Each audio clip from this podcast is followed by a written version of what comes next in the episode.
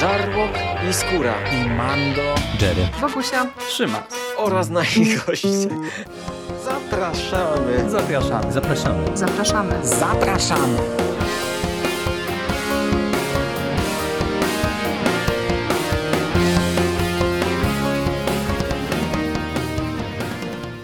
Witam Was wszystkich bardzo serdecznie w kolejnym odcinku konglomeratu podcastowego. Z tej strony Michał Rakowicz, czyli Jerry. Jest ze mną Hubert Mando-Spandowski. Witam Cię, drogi kolego, bardzo serdecznie. Ja również witam wszystkich słuchaczy i, i Ciebie również, drogi kolego. Dzisiaj powracamy do Punishera, e, który był wydawany w ramach e, imprintu Max.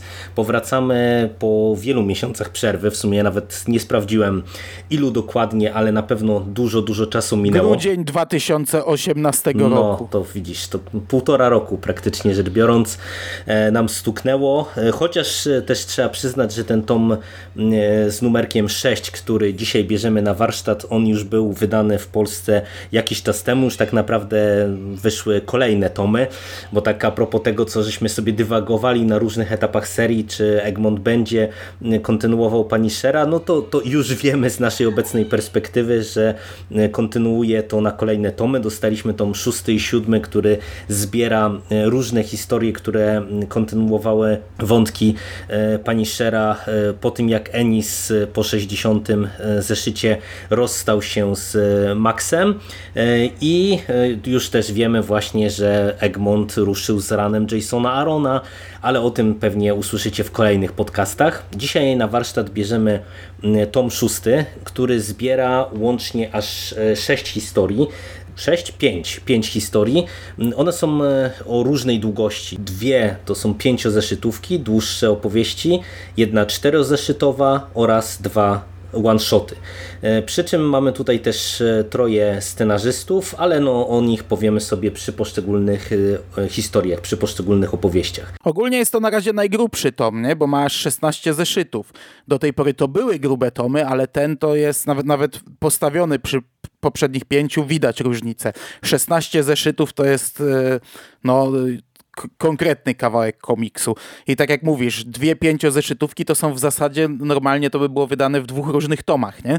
Czterozeszytówki też się bardzo często wydaje w osobnym tomie, a tutaj jeszcze dodatkowo dwa one-shoty, czyli zawartość jest naprawdę ogromna. No i do tego jest dosyć różnorodna, bo mamy troje scenarzystów i też no, różne podejście, bo myślę, że to też warto zaznaczyć na początek, że po tym ranie Enisa, który był bardzo spójny klimatycznie i tematycznie i bardzo bardzo konsekwentnie przez Enisa prowadzone, no to tutaj dostajemy historię naprawdę w bardzo różnym klimacie i, i w różnym podejściu do e, przygód Franka Castle, no ale to mówię, to myślę, że przy poszczególnych opowieściach o tym jeszcze będziemy mówić. Ten tom otwiera e, opowieść Dziewczęta w białych sukienkach ze scenariuszem Greka Hurwica e, oraz rysunkami Larensa Campbella.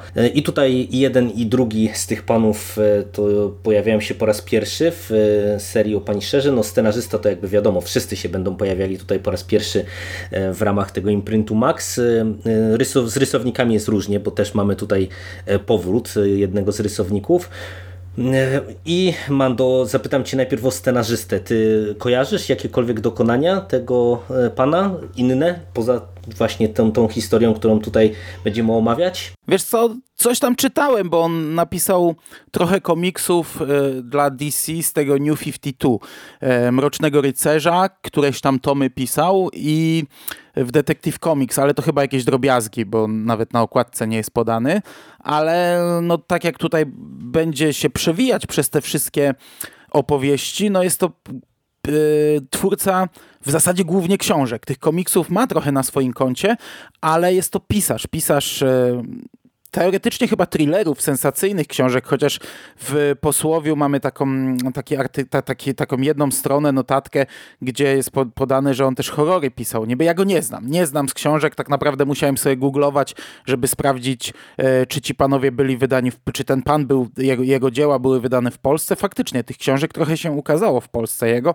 także, także trochę znam, ale, ale, ale wiesz, minimalnie liznąłem gdzieś tam e, jego dokonania. No tak jak mówisz, to w zasadzie e, będzie nam melodia towarzysząca e, tak poprawdzie przy tych e, panach, bo to ciekawe jest, że w zasadzie to wszyscy, mm, tutaj cała trójka tych scenarzystów to są powieściopisarze i komiksiarze dodatkowo, także takie specyficzne połączenie mimo wszystko. No ale przejdźmy w tym układzie, bo rysunkami się zajmiemy pewnie troszeczkę dalej przy, tych, przy tej historii, do samej opowieści. Dziewczęta w białych sukienkach to jest historia no, dosyć e, mroczna i brutalna i wydaje mi się, że chyba jeszcze taka najbardziej e, w stylu e, do którego, ty, tych opowieści, do których nas Ennis przyzwyczaił. Widzimy tutaj Franka Castle, który ponownie mierzy się z koszmarami przeszłości. Wraca ten wątek rodziny, tego, że nie udało mu się uchronić rodziny przed śmiercią i zostaje y, gdzieś tam wciągnięty on y, w historię, której w zasadzie nie miał na radarze. Zwraca się y, do niego o pomoc pewna osoba, pewna grupa z Meksyku, gdzie borykają się w przygranicznym miasteczku ze zniknięciami y, kobiet, y, no, nastolatek i też w zasadzie dzieci.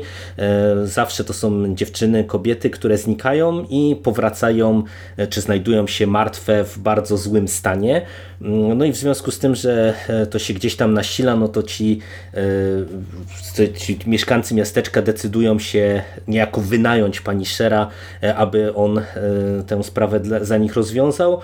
On oczywiście początkowo mm, odrzuca e, tę propozycję, no bo jak sam mówi, nie jest zbirem do wynajęcia e, ale e, ostatecznie decyduje się w sprawę zaangażować. No i śledzimy właśnie poczynania Franka w Meksyku. No i jak Mando Ci się ta historia podobała? Odczułeś właśnie jakoś silniejszy E, przeskok e, pomiędzy tym, co widzieliśmy u Enisa, a e, tą historią, to jak jest prowadzona. Jak Ci się podobała ta opowieść? Znaczy ja ją czytałem dwa razy, bo dwa razy podchodziłem do tego tomu i za pierwszym razem była spoko, nie odczułem jakiegoś przeskoku, właśnie mm, dość mocno tak klimatycznie, tematycznie e, wydawała mi się spójna z tamtym, ale za pierwszym razem mi się tak umiarkowanie powiedzmy spodobała. Za drugim razem, gdy już przeczytałem cały tom, to mogę chyba powiedzieć, że ona mi się w zasadzie chyba najbardziej podoba, chociaż tam później też będę miał, mm, są historie fajne, ale tam z, z uwagami. Są tutaj ciekawe rzeczy. Po pierwsze, Wizualnie ona jest ładna, ale to jeszcze za sekundę. Ale ta cała historia przeniesienia akcji do Meksyku tak trochę taki, taki, tacy siedmiu wspaniałych, bo tutaj wynajmują, próbują wynająć tego Punishera do pomocy i to y, jak on się w końcu decyduje, to jak on ma cały czas te swoje wizje, to jest niby wałkowane ciągle to samo, ale tutaj jest w sumie fajny motyw e, przetworzony z tym, jak e, Punisher mm, staje się w pewnym momencie oprawcą i jak on sobie z tym radzi, bo przez przypadek e, zdaje mu się, że on stał się mordercą. E, no jest tutaj kilka, jest tutaj naprawdę trochę dobrych motywów i, i ogólnie komiks czytało się całkiem przyjemnie. No ja ci powiem, że y, te, tego przeskoku, tak jak wspomniałem w sumie na początku, ja nie odczułem i mi się ta historia spodobała w zasadzie od razu od pierwszej lektury, e, ale przez to też, że ona jest, wydaje mi się, bardzo dobrze prowadzona.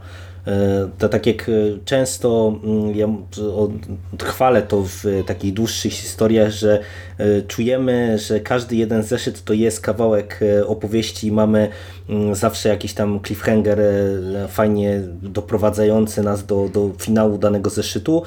Tutaj to wszystko jest dobrze prowadzone i właśnie tak jak mówisz, jest tutaj mm, no, trochę fajnego, fajnych elementów, właśnie ta, ta wzmiankowana, wzmiankowany przez Ciebie wątek, bo to w zasadzie jest coś, co się przewija przez całą opowieść tego, jak Frank sobie radzi z mm, mordercą.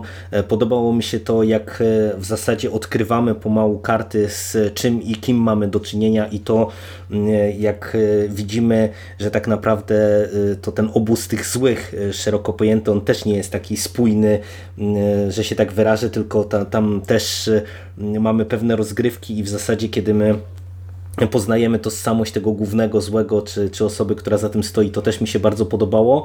Mm, i całościowo y, po prostu to była bardzo dobrze, wydaje mi się, rozpisana y, opowieść i całkiem nieźle trzymająca w napięciu, bo y, pomimo tego, że no, no jakby wiemy, że tutaj dla Franka się to jakoś nie może źle skończyć w tym sensie, że no, przeżyje, zakładamy, to i tak naprawdę wydaje mi się, że tutaj scenarzyście udało się to napięcie y, wytworzyć, bo on tutaj y, nawet jeżeli nie ma nie wiem, takiego bezpośredniego zagrożenia życia, to, te problemy, z którymi on się musi borykać gdzieś tam po drodze są fajnie nakreślone i, i po prostu to działa. Przynajmniej na mnie to właśnie dosyć mocno podziałało i też bardzo podobał mi się finał tej historii, gdzie tak naprawdę no, Frank Castle po raz kolejny z jednej strony robi to, co umie najlepiej, czyli wymierza sprawiedliwość, ale tak naprawdę też mamy tutaj jeszcze takie e, kilka kadrów, e, dwie ostatnie strony, które e, pociągają nam tę historię w nieco inną stronę i, i tak jak mówię, no ten finał też mi się bardzo, bardzo podobał. Znaczy jest kilka rzeczy, do których ja bym się mógł przyczepić. Wiesz, może to odbijesz, bo wydaje mi się, że ten komiks jest pisany trochę tak, żeby, żeby taką tajemnicę wytworzyć, ale to nie do końca mi się wydaje logiczne. Na przykład po co w ogóle ci zamachowcy są w maskach?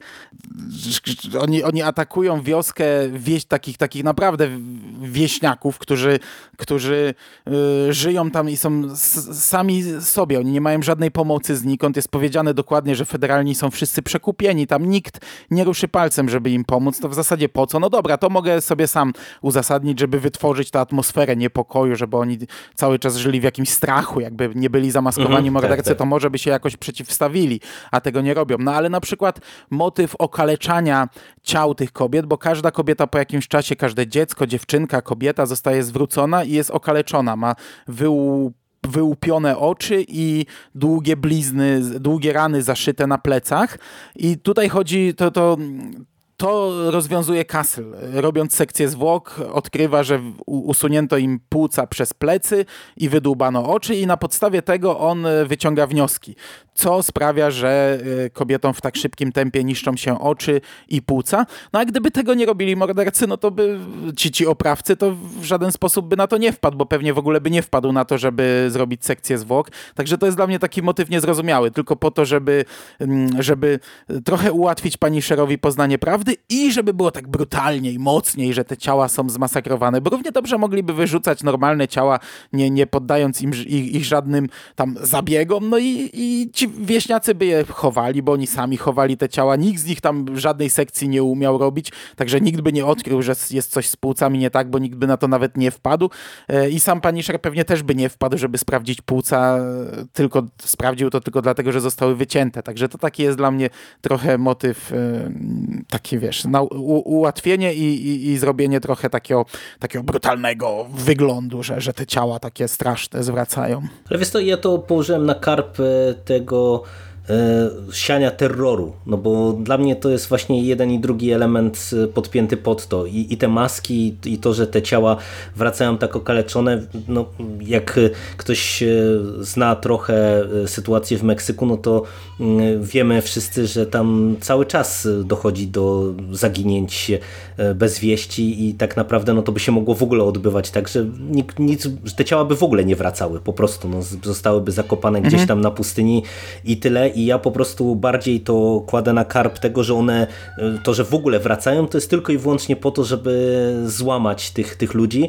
Dla mnie to, co jest troszeczkę bardziej bez sensu, to jest to, że no mamy do czynienia z małym miasteczkiem, no i y, umówmy się, że tutaj rozwiązuje się w końcu jakby oczywiście cała zagadka, po co y, jest e, ta, ta, ten zasięg kobiet i, i dzieci y, i, dlaczego one są porywane, ale to, to jest wiesz takie trochę słabe słabe, nie? no bo tu mamy do czynienia z naprawdę małym miasteczkiem i, i kiedy e, w sumie okazuje się, że to jest akcja o jakimś określonym też dłuż, długoterminowym, można powiedzieć, wydźwięku e, czy planie, no to to jest takie, no, no co, no, z, z, przeskoczą zaraz do następnego miasteczka, e, no to, to mi się właśnie bardziej no. wydawało takie, takie, wiesz, dyskusyjne, nie, no bo e, tutaj to, to miasteczko to jest naprawdę dziura, nie, i to nagle się okazuje, że tam w zasadzie wszyscy stracili kogoś już z rodziny, nie, niektórzy po, po kilka osób i, i to, to już pokazuje, że w zasadzie to cała, cała akcja się dzieje na jakimś tam krótkim okresie czasowym i już w zasadzie to miasteczko zostało wydrenowane, a, a co by było dalej, no to,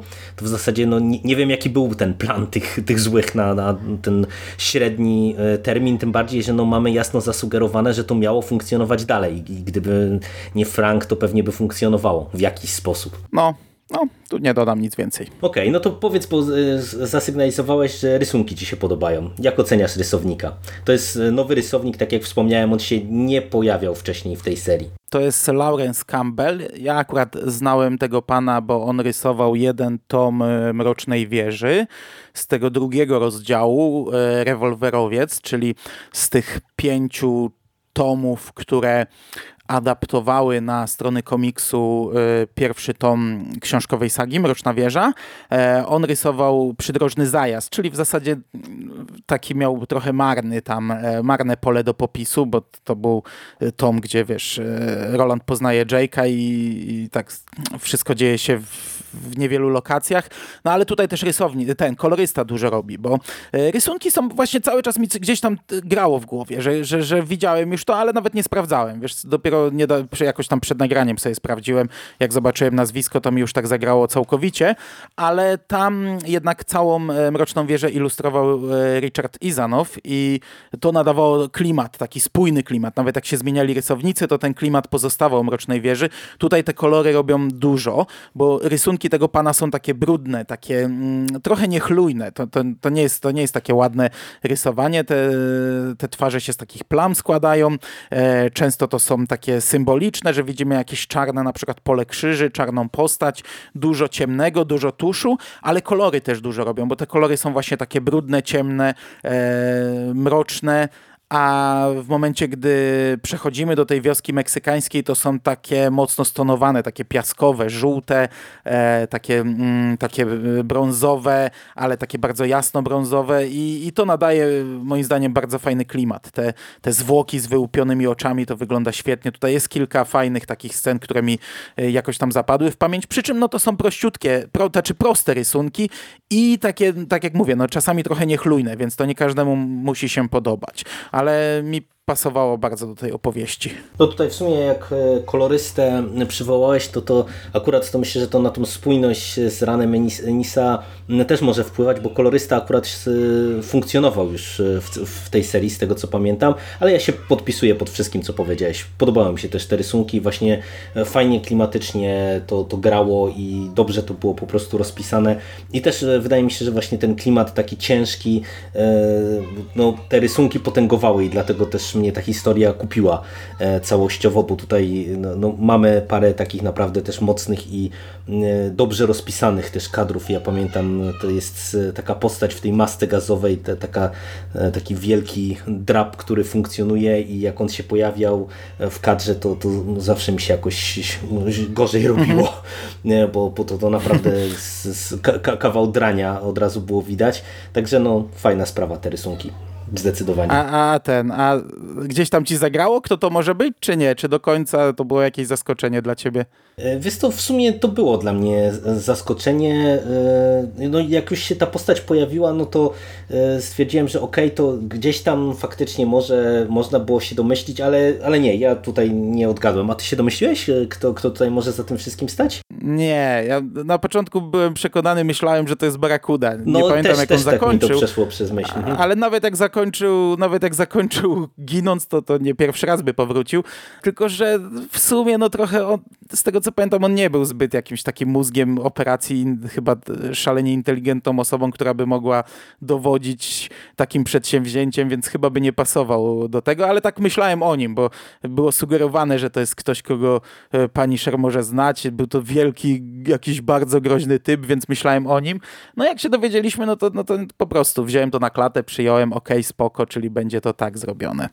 Zaskoczyło mnie tylko to, że to nie zostało pociągnięte dalej, bo szczerze mówiąc właśnie w kontekście tego powrotu do przeszłości, to myślałem, że to jest pewien pomysł nie na pociągnięcie tego dalej, a póki mhm. co to nie zostało nijak właśnie, nie wiem, kontynuowane, co, co mówię, dla mnie było pewnym zaskoczeniem, bo tego jednak oczekiwałam. Jeżeli dostajemy tego rodzaju element w opowieści, no to, to aż by się prosiło, żeby, żeby jednak coś z tym zrobić. No pytanie, czy to gdzieś tam jeszcze wypłynie? Myślę, że nie. Myślę, że to już na, tym, na ten moment no. to po prostu zostało e, jako taki twist gdzieś tam na koniec i tyle. No właśnie na, tutaj na chwilę obecną to było tak, że wiesz, sugerowano nam, że to będzie ktoś e, ważny i jak zdjął maskę, no to ja to, tak jak mówię, wziąłem na klatę, dobra, no czyli to jest tam ten konkretny złol z przeszłości pani Shera i to w sumie nie ma żadnej puenty, no po prostu zdejmuje maskę, dowiadujemy się, że to jest ten konkretny złol z przeszłości pani Shera i to wszystko, nie?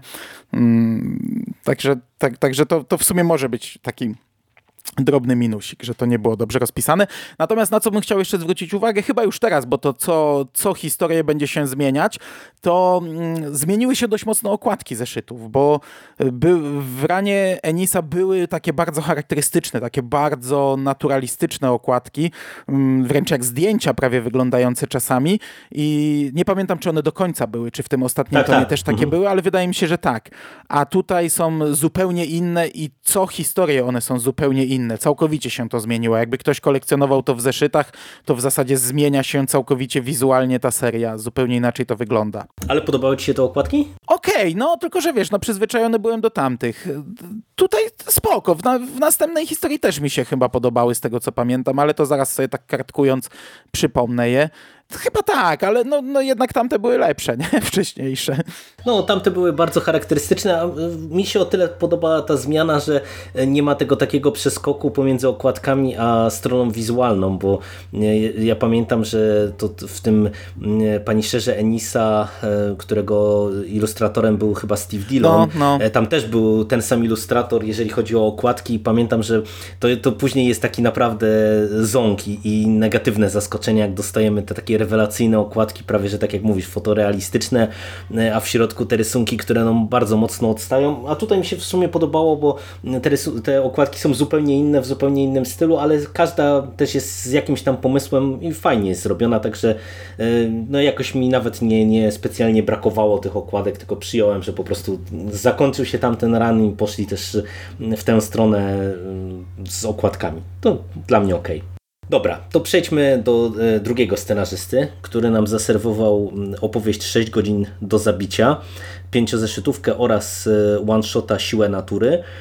Za scenariusz odpowiada w tych historiach Duen Świerczyński, też pisarz, tak jak e, w sumie e, powiedzieliśmy. Przy czym to jest już postać, która e, w komiksowie jest dosyć znana i on ma na koncie i kilka dłuższych serii, i nawet w Gwiezdnych Wojnach, z tego co widziałem się pojawił, bo on pisał mm, tego one-shota o Kasjanie i K2SO, E, także, także też e, z, z, naszą drugą serią gdzieś tam się on zarzębia, ale on Dreda pisał e, między innymi sporo różnych Marveli, Birds of Prey dosyć długo pisał, także no to jest scenarzysta też komiksowy o, o, o jakimś tam nazwisku. Za rysunki odpowiada Michael Lacombe i za kolory Val Staples i Stephen Peru, ale to w przypadku tego one-shota Siła Natury.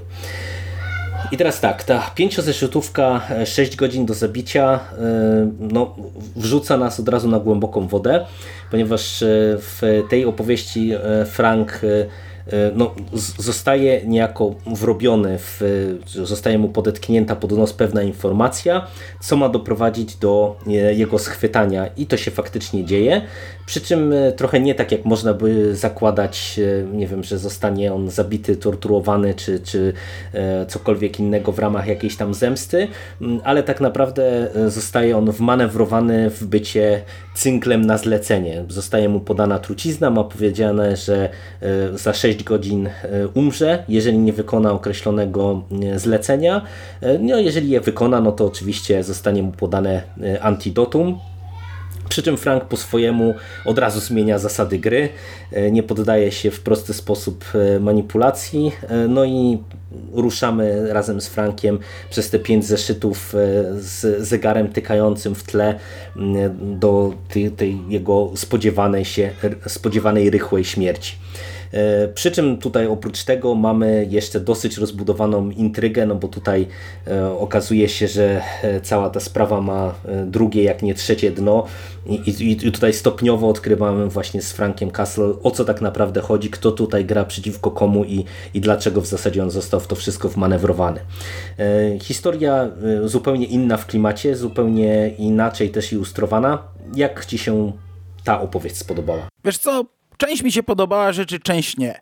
E, trochę była mm, zbyt y, chaotyczna, może źle powiedziane, nie wiem, może ja miałem zły dzień, jak to czytałem, ale tak jak mówisz, tutaj ta intryga jest dość skomplikowana na różnych szczeblach.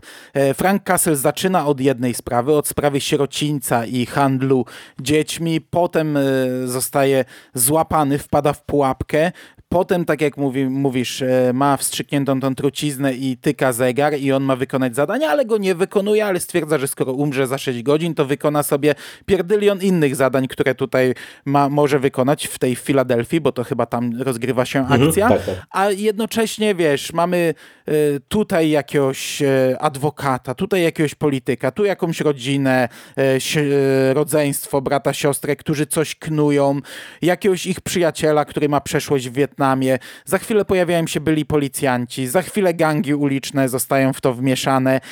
I tego jest dużo. I to jest tak, że skaczemy po stronach i mówię, może ja byłem zmęczony i czasami bywało, że, że się gubiłem troszeczkę w tym. Nie jakoś szalenie mocno, nie? Bo to też nie jest aż tak skomplikowane, żeby nie było, nie? Tam po, po, po chwili wszystkie elementy wskakują na swoje, na swoje miejsce, ale miałem takie momenty, że ja już tak to, że, że przez chwilę nie wiedziałem, co się dzieje i, i kto jest kim i, i, i dopiero po chwili to mi zaskakiwało. Ale są też tutaj fajne motywy. No kurczę, podoba mi się chyba każde skręcenie karku przez e, Franka, żeby żeby tutaj nie spoilerować. Szczególnie to pierwsze. No to pierwsze jest fantastyczne. To mnie tak zaskoczyło. Naprawdę miałem, miałem takie wow, nie? Gdy idziemy jak po sznurku teoretycznie w, w, w, stronę, jaką znamy i nagle jest w ogóle taki zwrot, że, że w ogóle się tego nie spodziewałem, że to w tym momencie nastąpi. E, no jest, jest, mówię, trochę fajnych rzeczy. Ogólnie fajnie, że taki komiks, bo inny od poprzedniego, także daje to różnorodność temu tomowi, ale on mi się podobał chyba trochę mniej. No ja rozumiem e, to, e, co mówisz odnośnie tego chaosu, bo ja miałem pod, podobne odczucia. E, to jest dobrze rozpisane, bo suma summarum to się naprawdę wszystko ładnie w finale zazębia i tak naprawdę te, te klocki e, zaczynają nam wskakiwać na odpowiednie miejsca, ale no czuć, że tu się dzieje naprawdę dużo, bo mamy te, te 6 godzin i one są naprawdę wykorzystane po prostu do granic możliwości.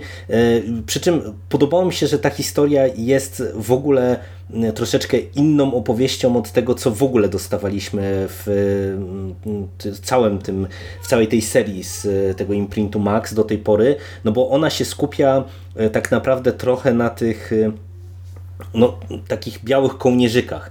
E, mieliśmy też tego rodzaju historie, nie? gdzie mhm. tam nie, nie, nie byli tylko i wyłącznie gangsterzy, ale, ale właśnie jakieś tam takie mm, e, przestępstwa, po, powiedziałbym, e, trochę zakamuflowane, trochę gdzieś tam w tle, ale mm, tutaj wydaje mi się, że to było wyjątkowo mocno podkreślone, że mamy do czynienia właśnie z jakimiś tam politykami, sędziami, adwokatami, którzy są umoczeni w różne sprawki.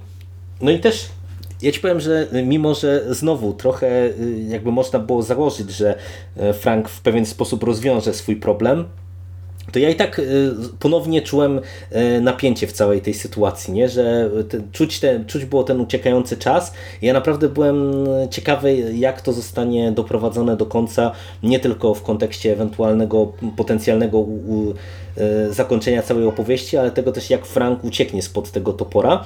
I to podobało mi się też suma summarum jak to, jak to zostało rozpisane, plus też e, na przykład to co ty mówisz, że pojawia się sporo postaci pobocznych, e, to też całkiem niezłe było to, że mam wrażenie, że tutaj scenarzysta wykorzystał to, że miał dosyć dużo miejsca. I na przykład jak nie wiem, mamy tego, ten wątek tego gościa, który był w Wietnamie, to początkowo wydawało mi się, że to jest taki, taki wiesz, taki filler, nie? że on dostaje dużo miejsca, ale że to to do niczego nie doprowadzi, ale na przykład jak mamy mm, moment, w którym e, Frank się pojawia i rzuca mu, rzuca mu coś e, po wietnamsku na przykład i konsekwencje tej sceny, mm, to mhm. było dla mnie mega mocne i takie, takie zaskakujące. Nie? I też pokazało, że właśnie scenarzysta miał to nieźle rozpisane, nieźle przemyślane, to, co mi jakoś tam troszeczkę przeszkadzało, to to, że jak to często w tego rodzaju historiach, gdzie my się ścigamy z zegarem, e, bywa, to e, ja trochę e, miałem poczucie, że to się nie ma prawa wydarzyć. Nie? On tam przecież jeździ po tej całej Filadelfii prawie. No, wiemy, jakie to są miasta, o jakiej skali. On ma tutaj no, dosłownie kilka godzin i załatwia całe mnóstwo tych spraw, nie? I to ten czas z jednej strony czujemy, że, bo, bo, cały czas to jest podbijane i podkreślane, że on upływa, ale z drugiej strony no to tak czasami jest, że wygląda to jakby ten czas był z gumy i to, to tak troszeczkę mnie wybijało z e, lektury, ale, ale poza tym okej. Okay. Nie wiem, czy, czy to ewentualnie dla ciebie też jakiś był tam problem. Wiesz co, no to są takie 24 godziny, nie? Tylko w wykonaniu Franka Castle i w skondensowanej formie. Tam też się działo w ciągu 5 minut tyle rzeczy, że ho, ho no i tutaj też coś takiego mamy, nie? On sobie jeździ. No ja wiem, że to się nie, nie ma prawa wydarzyć, ale to akurat jeszcze tam chyba pal licho, nie? Przyjąłem to na klatę. No mówię, bardziej, bardziej ten, to, to całe rozbudowanie, bo tu mamy i myśli Franka, i mamy jakąś mhm, imprezę tak, na tak. szczycie. Ta impreza jest na takiej zasadzie pisana, że mamy, to w sumie jest fajnie nawet napisane, że mamy dialog, a jednocześnie w ramkach ich myśli, które mówią zupełnie co innego niż oni mówią do siebie, żeby pokazać, co oni myślą, a co mówią. I mamy panią dziennikarz, i FBI, które, które w sumie nie zostaje wykorzystane, bo, bo gdyby oni złapali Franka, tam bandyci nie chcą dopuścić do tego, żeby FBI złapało Franka. I, I pani dziennikarz, która została wykorzystana, i Rosjan na początku, i Rosjan spajających te historie, i wyrzutnie rakiet, i cuda na kiju, płonące domy, walące się domy, no wszystko tu jest. To jest to jest ogólnie fajna historia. I, ja nie mam jakichś, wiesz, ja nie mam jakichś wielkich zarzutów, nie? Ona mi się podobała. Nawet, nawet mówię, no dobrze, że ona jest zupełnie inna od tej, od tej wcześniejszej. Nie, nie podobały mi się za bardzo rysunki. One trochę wpływały na moją ocenę, bo w tym przypadku mogę powiedzieć, że nie lubię takiego rysowania. Co prawda były tutaj y, elementy, które spoko, podobały mi się i jak, jak już przyjąłem na klatę, że to jest w taki sposób rysowane, no to dobra, to przepłynąłem przez tę historię, ale ja nie lubię takiego rysowania, a bardziej kolorowania chyba, bo kolejny zeszyt robi ten sam, ten, ten, ten one-shot, do którego za chwilę przejdziemy, robi ten sam rysownik, a z kolei inny kolorysta i już zupełnie inaczej odbierałem. Też widać podobieństwo, ale tutaj to są takie jednak, nie wiem, czy to taki mocno komputerowy ten sposób kolorowania i, i to mi trochę przeszkadzało. I postać Franka, to jak on wygląda też tak trochę nie, nie, nie bardzo on do mnie trafiał. Raczej jestem przyzwyczajony, że trochę inaczej wygląda e, w tych komiksach i to, to są takie drobiazgi, elementy, no bo mówię, to jest ogólnie spoko komiks, nie? Ale no, było takich kilka takich malutkich tutaj przytyczków mogę tam gdzieś e, dać. No ja ci powiem, że wizualnie jak e, to, to od razu poruszyłeś, to dla mnie to taki średniak.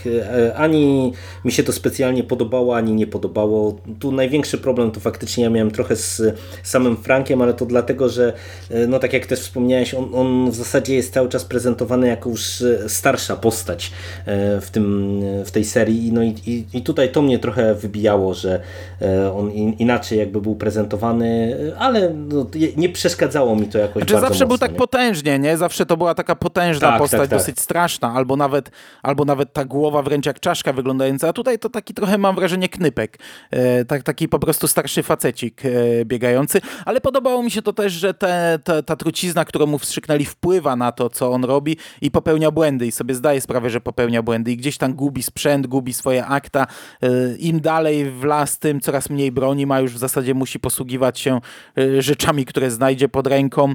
E, no, dobra, tyle ode mnie. No nie, no to mówię, to są takie wiesz, drobnostki, które pokazują, że to, to było pod kontrolą, nie? Scenarzysty, że fajnie to było mhm. E, przemyślane i rozpisane. Co ciekawe, ten komiks jest dedykowany pamięci Stefana Peru, nie wiem jak to się czyta, to jest Francuz, e, francuski rysownik, który umarł na mm, zawał e, w wieku na atak serca w wieku 26 lat, a kolejny zeszyt jest właśnie kolorowany przez tego e, rysownika, czyli ten one shot, który jest dołączony do, e, pewnie był w jednym tomie wydany, bo to ten sam scenarzysta, one shot Siły Natury, do którego teraz przejdziemy, jest właśnie kolorowany przez tego zmarłego w młodym wieku e, kolorystę, któremu dedykowany był wcześniejszy komiks. No, to jak już to zapowiedziałeś, to możemy przejść do, do Siły Natury. To jest one, one shot z bardzo e, fajną okładką, w której Frank Castle jest e, niczym e,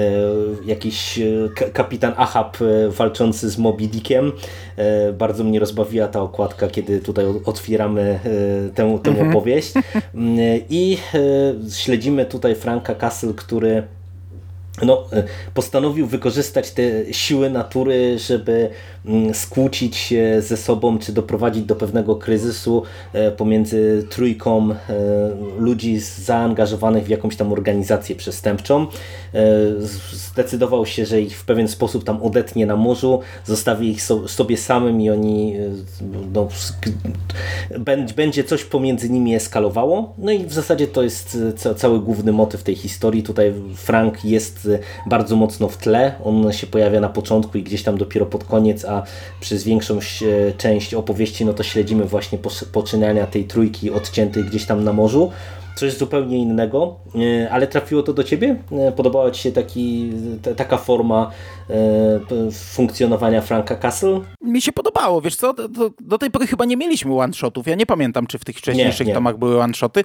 One były chyba dzielone dość, dość wyraźnie na te sześciozeszytówki, mm, tutaj jest właśnie trochę inaczej ja, ja lubię takie rzeczy, to jest taki dodatek, a tu jest w sumie całkiem fajna historia rozpisana na bardzo krótki zeszyt, gdzie Rosjanie, którzy ciągle są rozwalani przez tego Franka, wymyślili inną strategię, podzielili się na małe grupy, e, także nikt nie wie, co robi kto inny, także jak mamy jakieś jedno przedsięwzięcie, to jest kilku pionków, gdzie każdy ma tylko swoje zadanie i w razie gdyby Frank Castle złapał jednego i zabił, to nie rozwali całej, e, całego przedsięwzięcia. No i tutaj właśnie mamy to, gdzie trzy pionki spotykają się na jachcie jednego z nich i sobie imprezują, a okazuje się, że wszystko, co tam jest, zostało już spreparowane przez Franka, czyli podrzucił im mały ponton, wysadził im silnik, podrzucił im pluskwy i tak dalej, i tak dalej. No i widzimy te tam, nie wiem, 30 godzin bodajże, gdzie oni dryfują po e, po tym oceanie,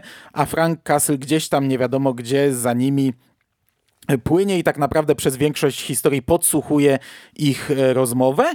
I to jest całkiem spoko historia. Króciutka, no to jest one shot, ale tutaj jest, mi się podobało. Ja, ja jestem jak najbardziej okej. Okay. No ja, ja, byłem zaskoczony, że właśnie w sumie udało się e, i inaczej zupełnie tą intrygę pokazać, no bo tak jak wspominamy, no nie mieliśmy czegoś takiego e, do tej pory i też e, to, że właśnie w sumie, mimo że to jest zamknięte na tej jednej przestrzeni przez większą część opowieści, to ponownie udało się tutaj scenarzyście wywołać określone emocje i doprowadzić do całkiem fajnego finału, bo też e, wydaje mi się, że to jest całkiem dobrze spuentowane, także no, ode mnie też e, spory plus za tę historię.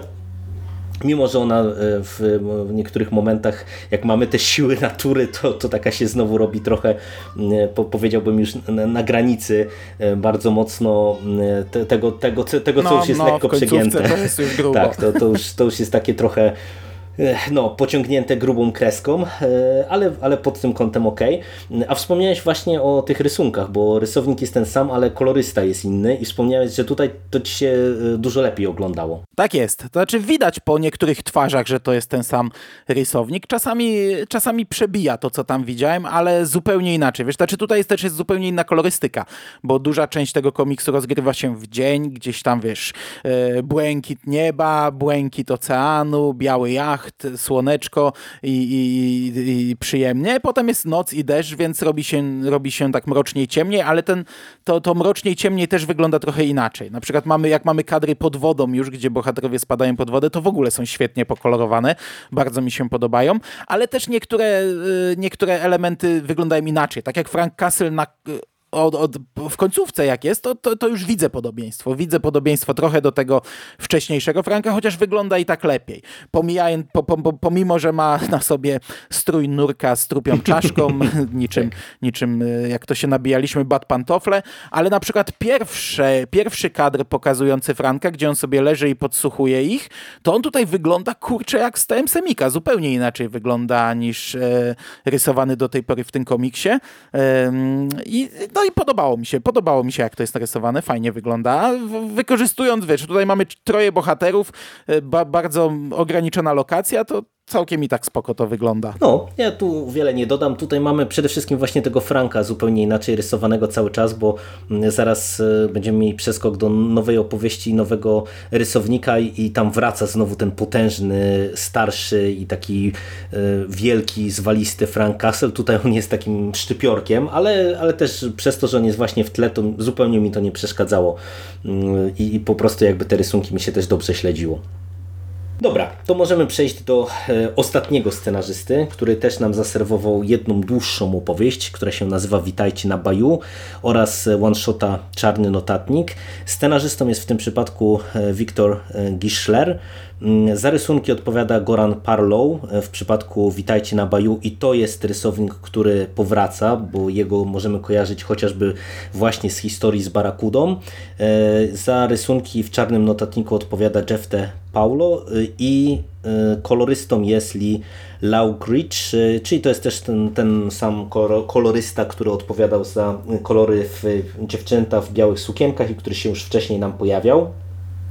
No i tutaj znowu, tak jak w zasadzie w całym tym tomie, tomie mamy bardzo y, ostrą zmianę klimatu, bo w zasadzie tutaj mamy, jak sam zauważyłeś w prywatnej rozmowie, do czynienia z survival horrorem, e, czego w przypadku e, opowieści z mhm. Punisherem jeszcze nie mieliśmy. Tutaj śledzimy Franka, który zmierza do Nowego Orleanu, ma w bagażniku pewną przesyłkę, którą musi tam szybko dostarczyć, no ale e, że musi zatankować i zatrzymać się za potrzebą, staje na jakimś zadupiu e, w dziwnym sklepiku, e, gdzie spotyka się z jakąś tam ekipą studentów.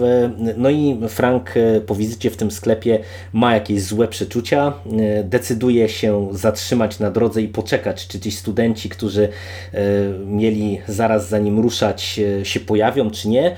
Kiedy się nie pojawiają zaraz za nim na drodze, no to on nabywa jakiś tam podejrzeń co do tego, że coś mogło pójść nie tak cofa się, no i okazuje się, że coś poszło bardzo nie tak, bo e, trafili e, na sklepik i posiadłość e, kanibali. No i mamy po prostu historię właśnie taką bardzo mocno w klimatach survival horroru z różnego rodzaju kliszami, które w tym gatunku możemy kojarzyć, jeżeli e, ktoś lubi tego rodzaju kino, e, to, to na pewno będzie się tutaj bawił e, jeszcze pewnie lepiej właśnie wyłapując te różnego rodzaju smaczki. No ale jak do Ciebie trafiło tak, takie podejście, no bo różne rzeczy mieliśmy w Punisherze, ale no chyba trzeba przyznać, że to jest coś zaskakujące i, i tego to się raczej nie mogliśmy spodziewać, że, że w tym tomie dostaniemy. No, no ja byłem mocno w szoku.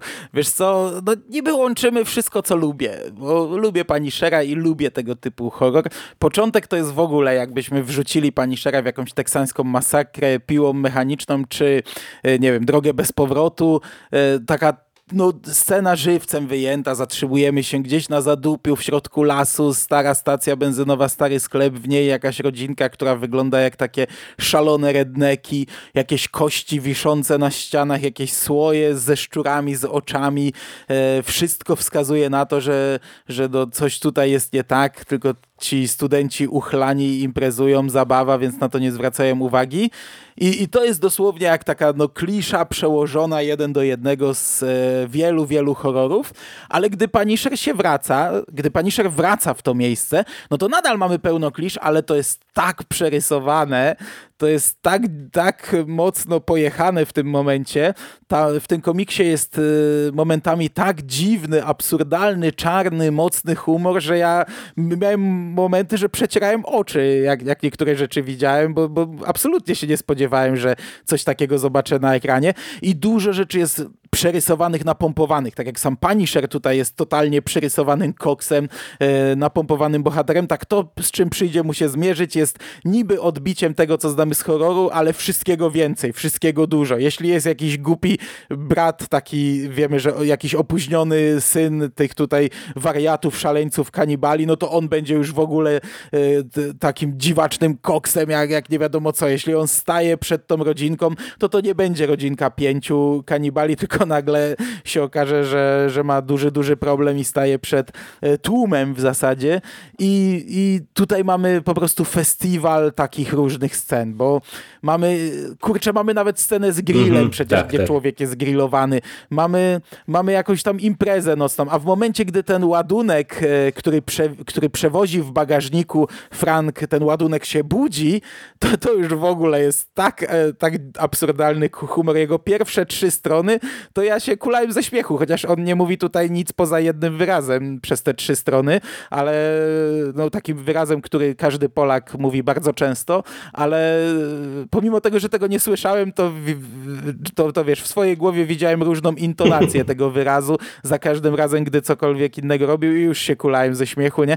A gdy dochodzi do tej współpracy między tym tutaj chudziutkim, dziwacznym, e, e, czarnym gangsterem a Punisherem, to, to tutaj jest też masa prze, przekomicznych, dziwacznych, przerysowanych, mocnych scen. Także to jest naprawdę e, dziwny komiks, którego, tak jak mówisz, nie spodziewałem się tutaj, ale który dostarczył mi dużo uciechy. No, ja ci powiem, że ja się na tym komiksie bawiłem zadziwiająco dobrze, chociaż po tym początkowym takim zaskoczeniu, w ogóle takim szoku e, i tym, że jak już załapałem, z czym będziemy mieli do czynienia, to całkiem mi się to zaczęło podobać, to troszeczkę miałem na początku problem, że e, w którymś momencie w zasadzie, gdyby nie przypadek, to e, Frank rozstałby się z życiem przez jakiś tam swój błąd.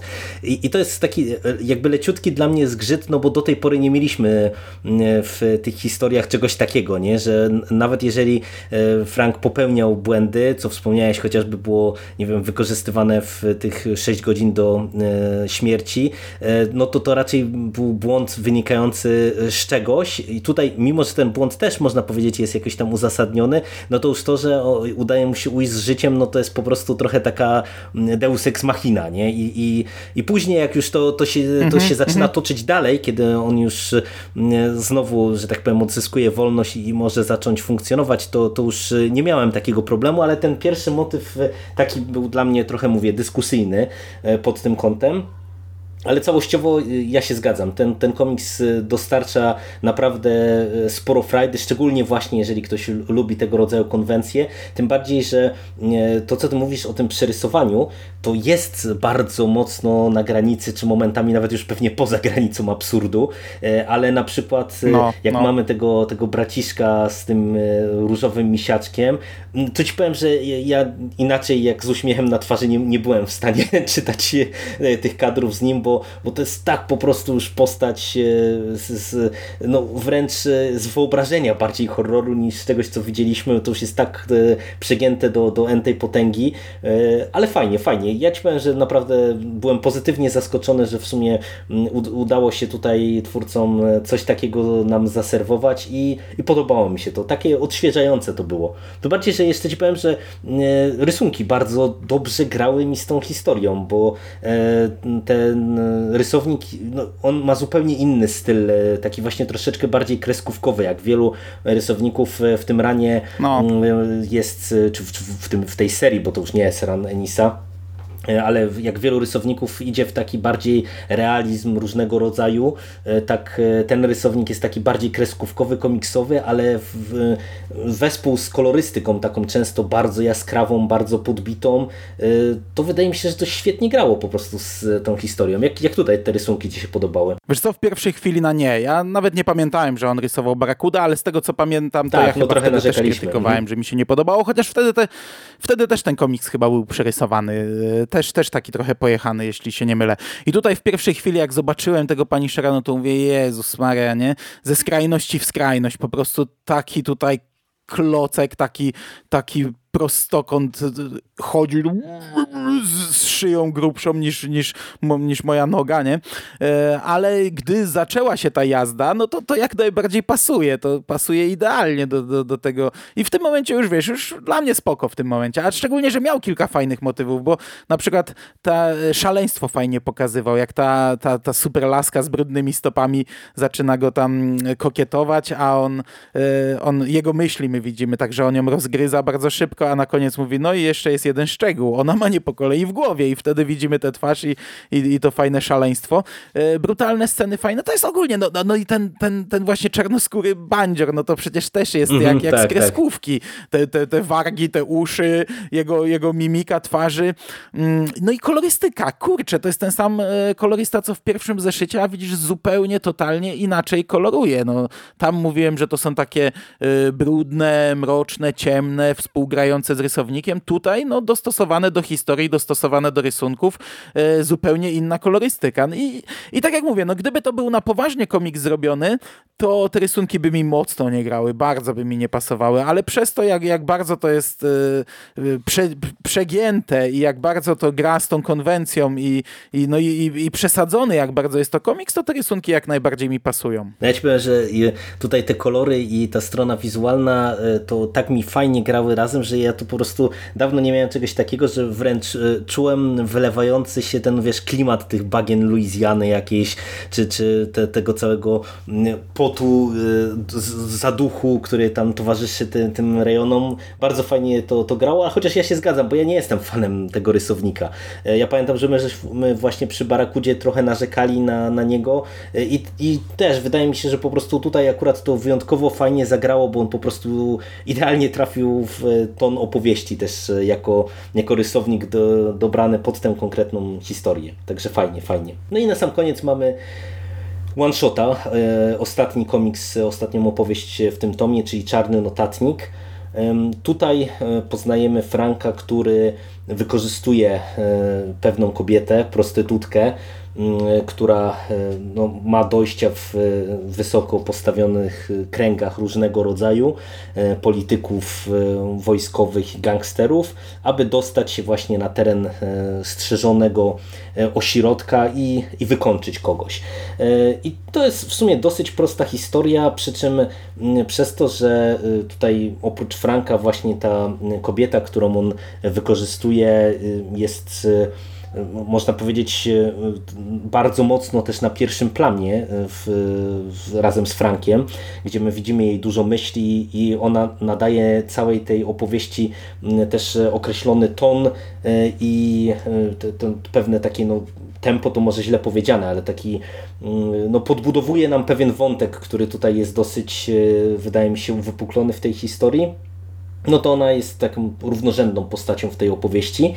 E, ale sama historia wydaje mi się, że taka jest dosyć klasyczna i, i, i, w formie i w tym jak jest prowadzona. Jak Ci się na koniec właśnie ten czarny notatnik spodobał? Tak umiarkowanie, wiesz, e, on jest ładnie narysowany, to za chwilę, ale sama fabuła, no dostajemy narrację tej kobiety, ona wprowadza Franka do, na pewną imprezę, no i Frank robi rozpierduchę i ta kobieta przechodzi jakąś przemianę, której ja jakoś nie kupuję i, i to jest w zasadzie wszystko. I no, taka historyjka na koniec, przez którą sobie przeleciałem, ale ona...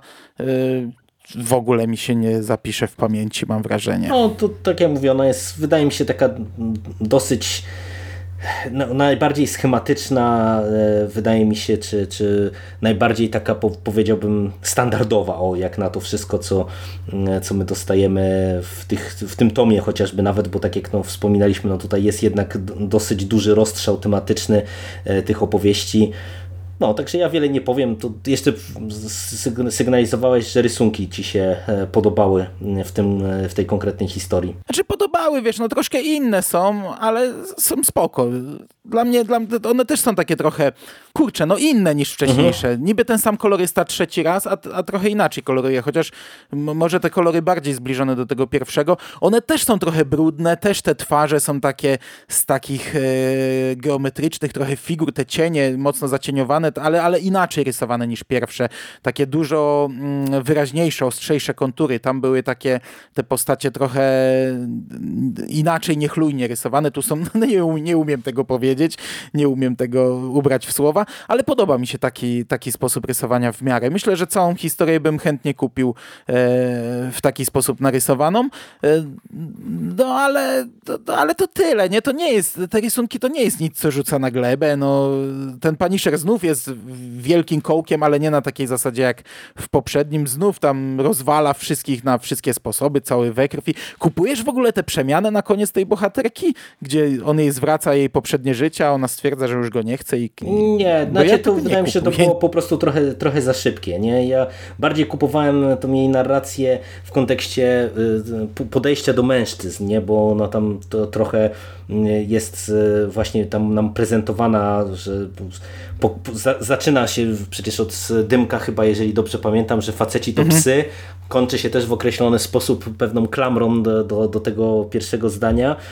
I pod tym kątem to ja rozumiem po co ona tam była i, i to kupuję, natomiast sama ta przemiana no to no, za, zbyt pośpieszna po prostu i wydaje mi się, że dlatego to e, nie wybrzmiewa i tego nie kupujemy, no bo, no bo po prostu za, za mało czasu było, żeby to to uwiarygodnić tak naprawdę, no tym bardziej, że no, nic no. się nie dzieje takiego, co by mogło, wydaje mi się, doprowadzić mhm. do tej przemiany.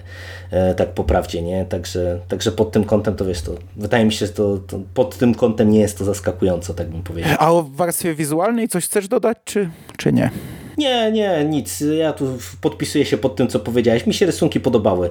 E, także w, w, porządku, nawet chyba właśnie bardziej niż sama historia, bo ona jest dla mnie w porządku. Ja ją kupuję, natomiast no to też jest tak, że to mówię, to nie jest nic specjalnego, no po prostu no, taka dosyć standardowa, jak na Punishera e, opowiastka, taki dosyć standardowy one-shot, także, także Okej, okay, no i dobrnęliśmy do końca czegoś, czego ja się obawiałem, ci powiem, od samego początku, bo ciągle słyszałem, jak ta seria jest świetna i jak jak ona się robi słaba, gdy Enis odchodzi.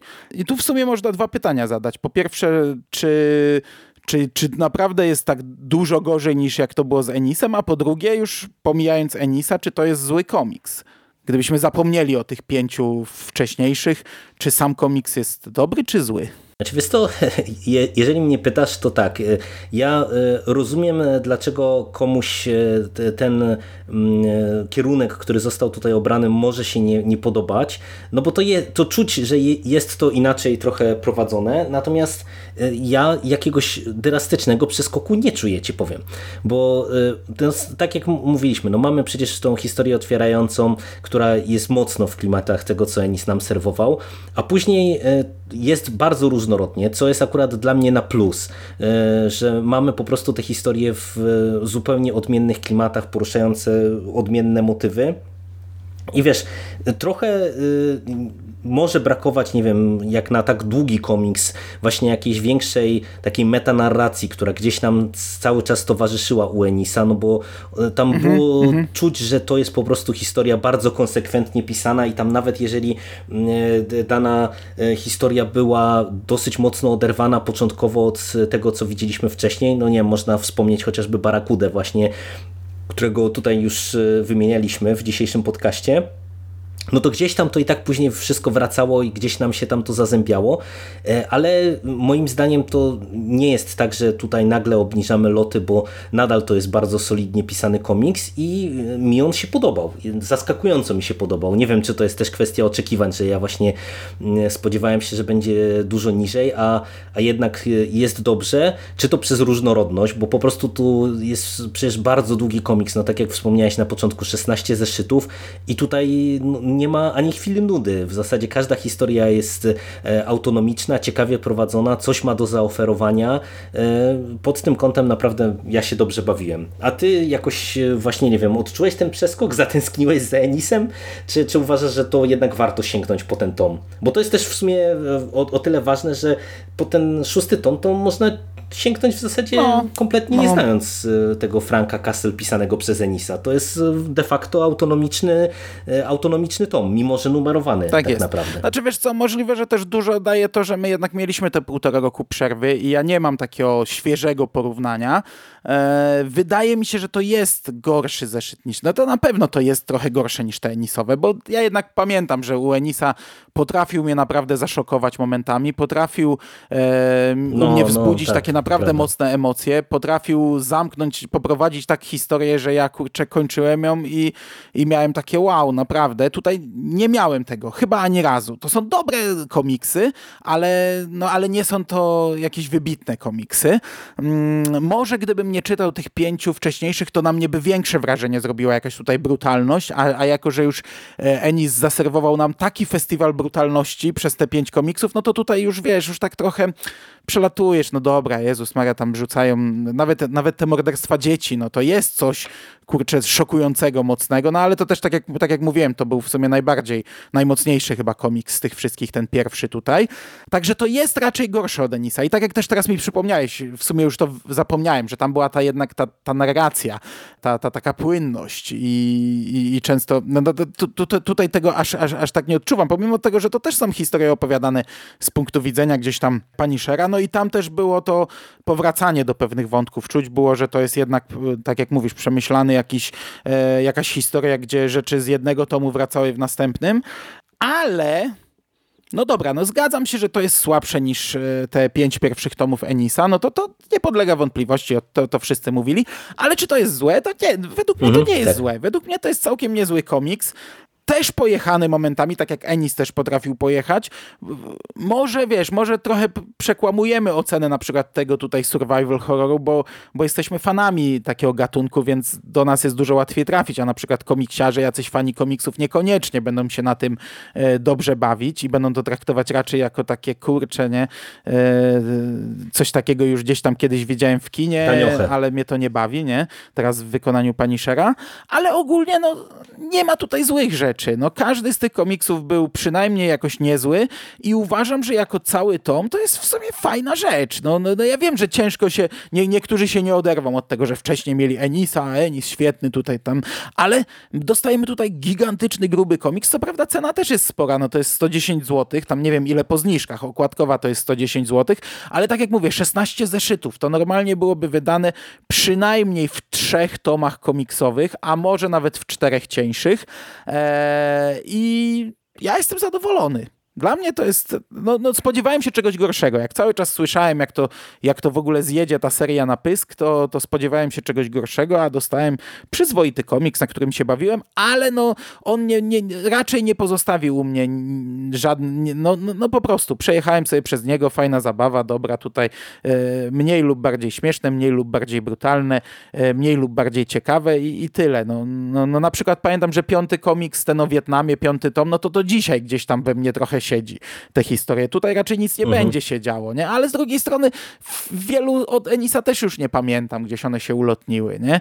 To jest komiks, który moim zdaniem tam warto przeczytać, ale no jeśli nie czytaliście wcześniejszych, to jednak bardziej bym polecał te wcześniejsze, nie? No, ja się tutaj zgadzam e, z tym, że mm, o ile ten tom e, jest e, słabszy na pewno, no to ja jednak go bym też polecał, bo ja się naprawdę bawiłem bardzo dobrze i mi się podoba ten kierunek, który tutaj twórcy obrali, że nie próbowali się ścigać z Enisem e, na, na jakieś, e, wiesz, przeskakiwanie kolejnego rekina w kontekście przemocy, e, brutalności, jakichś szokujących historii, tylko że taki, ta seria trochę inaczej została poprowadzona na właśnie krótsze, mniejsze historie, bardziej autonomiczne i pod tym kątem dla mnie dobry komiks.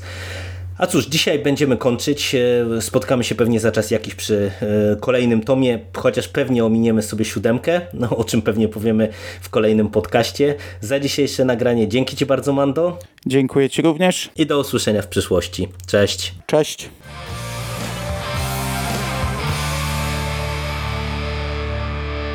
You finished? That's it, man. Game over, man. It's game over. What the fuck are we gonna do now? What are we gonna do?